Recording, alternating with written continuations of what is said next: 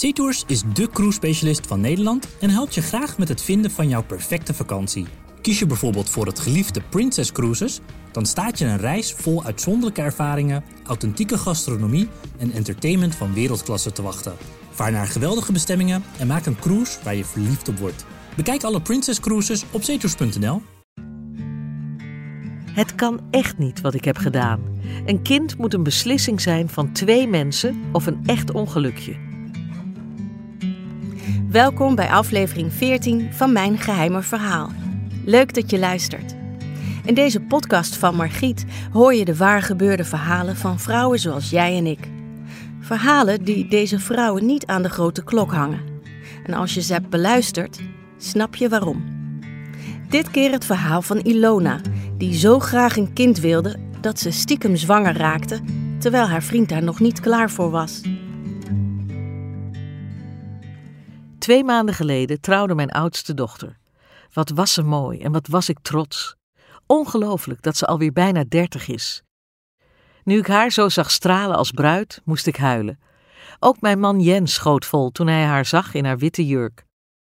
Hij houdt net als ik zielsveel van haar, al is de start bij hem anders verlopen dan bij mij. Door mij is ze altijd zo gewenst geweest, maar voor hem was haar komst een schok en hij heeft flink moeten slikken toen zijn leven opeens op zijn kop kwam te staan. Nu liep hij als trotse vader met haar aan zijn arm naar haar bruidegom. Daarna kwam hij met knipperende ogen naar mij toe. Ik pakte zijn hand, kneep erin en stroomde over van dankbaarheid. Dankbaar omdat de gok die ik dertig jaar geleden nam zo goed heeft uitgepakt. Ik realiseer me nu dat het ook heel anders had kunnen lopen. Toen ik Jens ontmoette, wist ik direct dat hij de ware was. Ik had een paar eerdere relaties gehad, maar hoewel ik verliefd was, klopte er altijd iets niet. Bij Jens klopte alles, al zaten er op het oog nogal wat kinken in de kabel.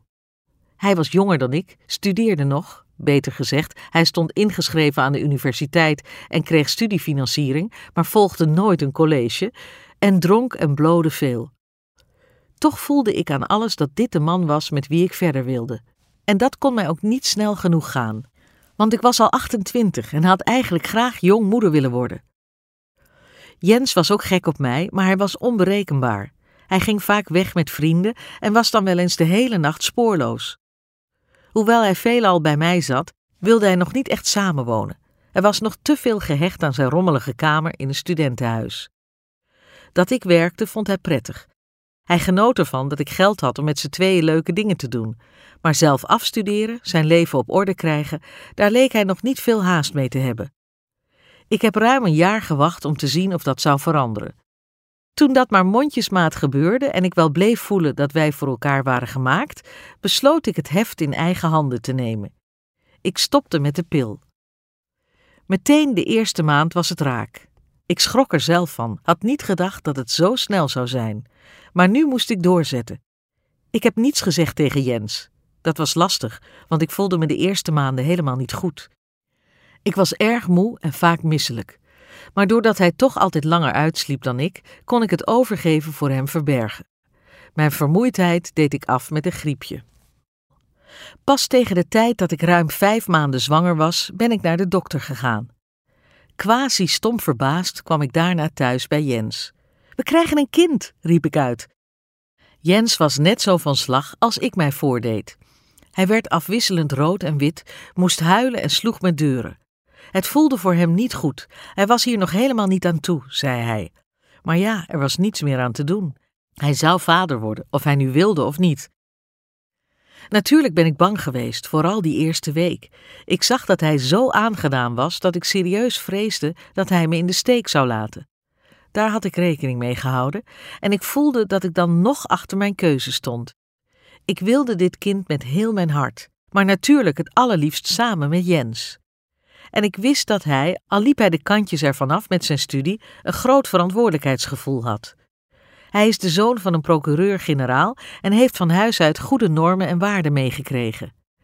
Na een week gebeurde inderdaad wat ik zo had gehoopt. Hij begon zich erbij neer te leggen. En na een maand kreeg hij er zelf zin in. Hij raakte vertederd door de kleertjes die ik kocht, de babyboeken die ik hem liet zien. En toen onze dochter werd geboren, huilde hij dikke tranen van vreugde. Ik zag hem naar haar kijken en wist dat ik hem voortaan voor goed zou moeten delen. De liefde in zijn ogen was gewoon adembenemend. Drie weken na haar geboorte had hij een baan bij een bedrijf waar hij nog altijd werkt en inmiddels is opgeklommen van administratief medewerker tot een van de directieleden. Stappen deed hij niet meer en met blowen was het ook over. Het was Jens die aandrong op een tweede kind en later op een derde. Hij is altijd een geweldige vader geweest. En als iemand de kinderen fanatiek waarschuwde voor alcohol en drugs, was hij het wel. Dan vertelde hij hoe hij vroeger lamlendig op de bank lag. Dat jullie moeder het met mij heeft uitgehouden, snap ik nog altijd niet, zei hij er dan vaak grappend bij. Mijn actie van toen is dus heel goed afgelopen.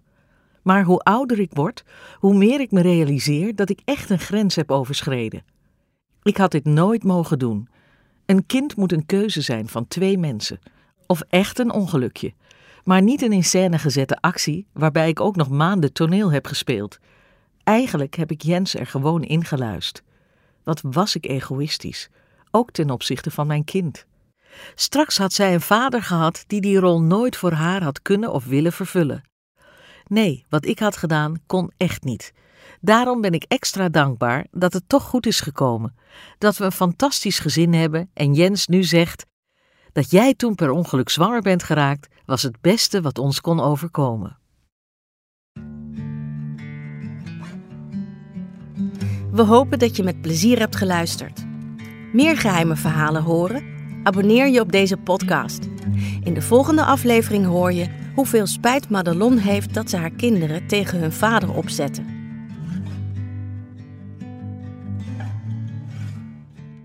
SeaTours is de cruise specialist van Nederland en helpt je graag met het vinden van jouw perfecte vakantie. Kies je bijvoorbeeld voor het geliefde Princess Cruises, dan staat je een reis vol uitzonderlijke ervaringen, authentieke gastronomie en entertainment van wereldklasse te wachten. Vaar naar geweldige bestemmingen en maak een cruise waar je verliefd op wordt. Bekijk alle Princess Cruises op zetours.nl